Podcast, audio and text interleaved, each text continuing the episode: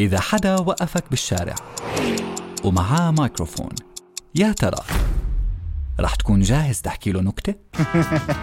مبدئيا مش حلوه ممكن تضحك عن نكتة ابو العبد اجى بده يعلم واحد السحر راح نام معها واختفى